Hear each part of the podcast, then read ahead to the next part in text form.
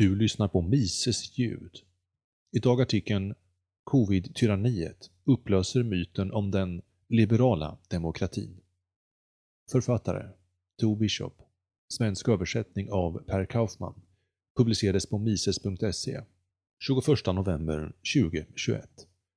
De sista årtiondena har utmanandet av den regerande hegemonin av amerikanskt ledarskap, NATO-allierade och ett nätverk av nyliberala NGOer, finansiella organisationer och företag, ofta framställts som hot mot den liberala demokratin.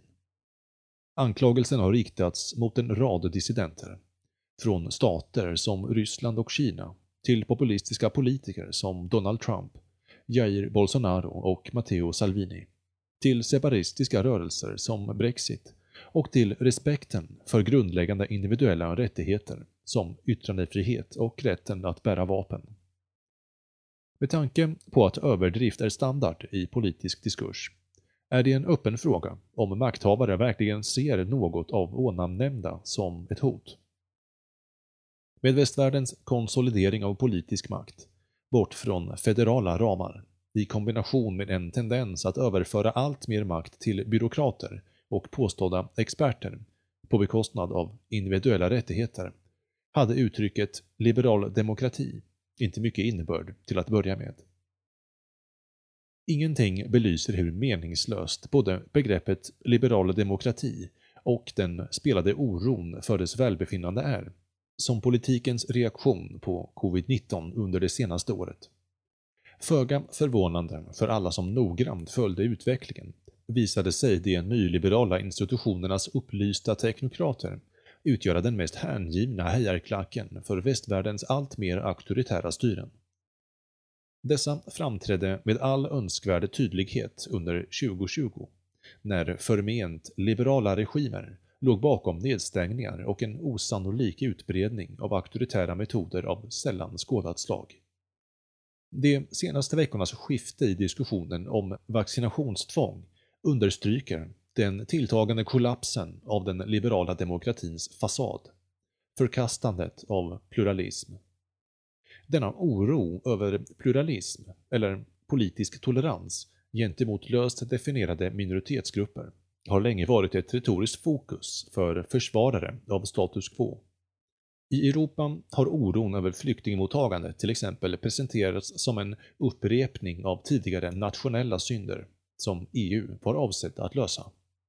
Det faktum att nationalistiska spänningar har förvärrats av de direkta politiska besluten från en isolerad byråkratisk klass har varit mycket mindre viktigt än det populistiska hotet som utmanar visdomen i statssubventionerade massiva befolkningsförändringar i europeiska städer.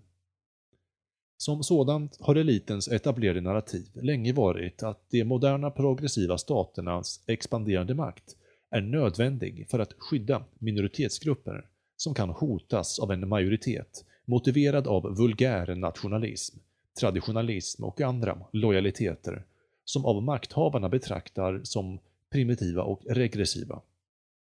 Naturligtvis är det just dessa moderna staters allt större befogenheter som har urholkat de politiska normer som gav det skydd för minoriteternas politiska rättigheter som fanns. I USA har vi sett urholkandet av senatens rutiner, utformade för att göra den övre kammaren till en modererande kraft i politiskt beslutsfattande. Från EU har vi sett ökande aggression i fråga om att undergräva nationella politiska beslut. Och rent generellt har vi sett en växande aptit för att censurera politisk diskussion och debatt på de största kommunikationsplattformarna. Inga av dessa förändringar har motiverats av några större förändringar i institutionernas underliggande styrdokument, utan snarare genom vad Garrett Garrett skulle ha kallat en revolution i formen.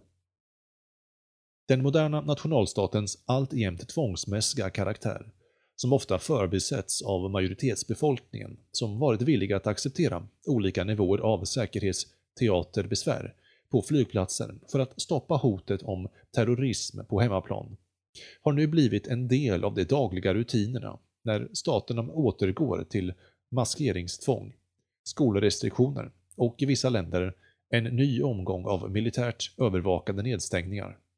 Nästa nivå av covid-eskalering är att ifrågasätta existensberättigandet hos de som vägrar att vaccinera sig.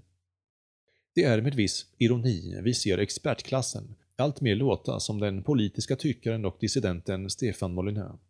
Tiden för argumenterande är över. Farhågor om individuella rättigheter som en gång funnits för de som har oroat sig över vaccinerna, inklusive de som har uppnått naturlig immunitet, avfärdas snabbt av makthavarna. Med tilltagande iver försöker företag kräva att anställda ska vaccinera sig, medan universitet, byråkratier och andra statliga institutioner runt om i världen följer deras ledning. Samtidigt förespråkar liberala förståsigpåare i allt högre grad tvångsvaccination av hela befolkningen om vänligare metoder misslyckas. Inget av detta borde vara förvånande. Precis som demokrati länge har varit vad makthavarna vill att det ska vara, så har liberalismen blivit en billig intellektuell täckmantel för de mest avskyvärda politiska målen. Snarare än konsekvent och intellektuell är grunden estetisk, vilket indikerar stöd för en regim som omhuldar sig med oro för mänskliga rättigheter, allt medan den eskalerar förödande militära krigszoner runt om i världen.